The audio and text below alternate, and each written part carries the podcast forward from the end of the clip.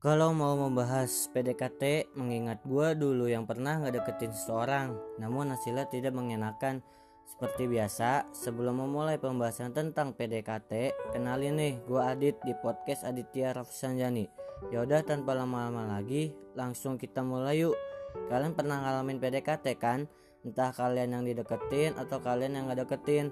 Pengalaman PDKT yang pernah gue alami itu banyak sih, tapi yang benar-benar berkesan ada sih gue dulu pernah dekat sama dia saat di SMP gue di SMP kenal sama dia awalnya dari ketemu langsung di sekolahan saat dia sedang latihan ekskul.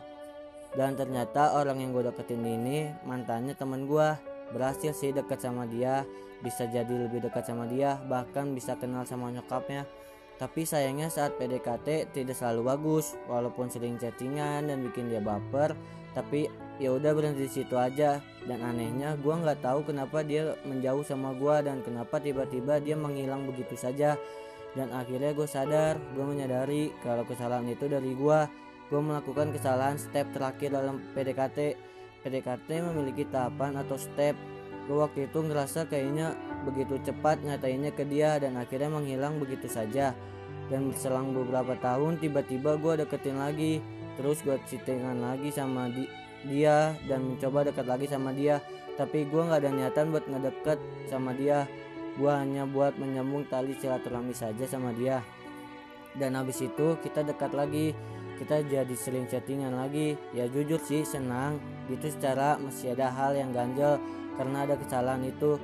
Dan akhirnya telah gue mau pelajari kesalahan gue dan akhirnya gue memberanikan diri gue bilang ke dia saat gue udah lama dekat sama dia kalau gue cinta sama dia dan kalian tahu apa jawabannya? Dia akhirnya jawabnya belum mau pacaran atau belum mau membuka hatinya karena dia mempunyai trauma sama orang yang dulu di dideketinnya. Dan gue bilang gak apa-apa kita temanan aja ngejalanin aja kayak biasa. Dan walaupun gue masih punya ekspektasi yang tinggi tapi gue sebagai laki-laki gue harus bisa menerima gue terima kalau dia keputusannya kayak gitu. Ya it's okay. Dan saat itu kita seperti biasa selain teman masih suka cetan ketemu.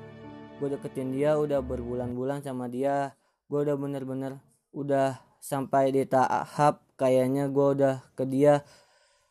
Walaupun dia bilang dia nggak mau pacaran seenggaknya gue tetap komitmen tetap ngedeketinnya gue mendeklarasikan tetap ngedeketin dia walaupun dia bilang gak mau pacaran. Ya itu nggak masalah sama status seenggaknya gue udah ungkapin ke dia dan dia bilang makasih karena gue udah gini gini gini. Cuma dia tetap netepin satu nggak mau pacaran dia nggak mau hatinya terluka lagi. Oh ya udah tapi gue sendiri bakal tetap deketin dia. Singkat cerita gue sempat buka IG gue lihat dia ngepost foto pakai foto cowok dan gue kaget sih sebenarnya kalau dibilang sakit ya sakit hati. Cuman gue masih tetap dalam batas wajar lah karena gue sadar diri. Gue bukan siapa-siapanya. Gue cuma teman dan langsung dan gue langsung DM dia di detik itu juga dan ngucapin selamat ya jadian sama dia. Semoga bahagia dan langgeng sampai tahap selanjutnya.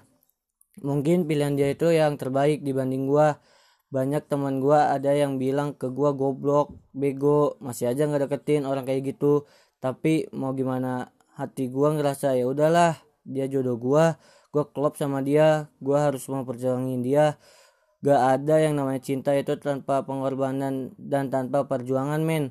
Dan coba gue berjuang dapetin dia walaupun gue sering mendapatkan sakit bahkan sering. Dan setelah itu gue sama dia tetap balik normal lagi. Cuman agak berkurang intensitasnya catanya sama dia.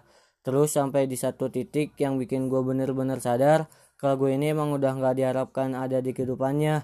Ketika gue buka IG lagi dan gue ngecek postingannya dia hapus fotonya dan diganti dengan foto yang lain. Beda dari sebelumnya dia post lagi. Ini udah dua kali dan gue harus sadar diri dan bener-bener mundur nggak usah lanjutin lagi. Gue lakuin ini bukan berarti gue tipe tampang menyerah. Gue udah beberapa kali berjuang mendapatkan dia nahan ego gue dan ini sudah setiap sampai puncaknya gue ngerasa kayak oke okay, Van sadar. Dia gue sadar gak ngarepin lu. Itu terasa tertampar dan habis itu gue mundur dan bilang ke dia kalau gue udah gak akan memaksa perasaan lu lagi. Dan gua udah cukup dan gua udah muak aja gitu walaupun susah melupakannya hanya dianggap sebagai teman sama dia. Dan akhirnya gue benar-benar gak pernah menghubungi dia lagi sampai sekarang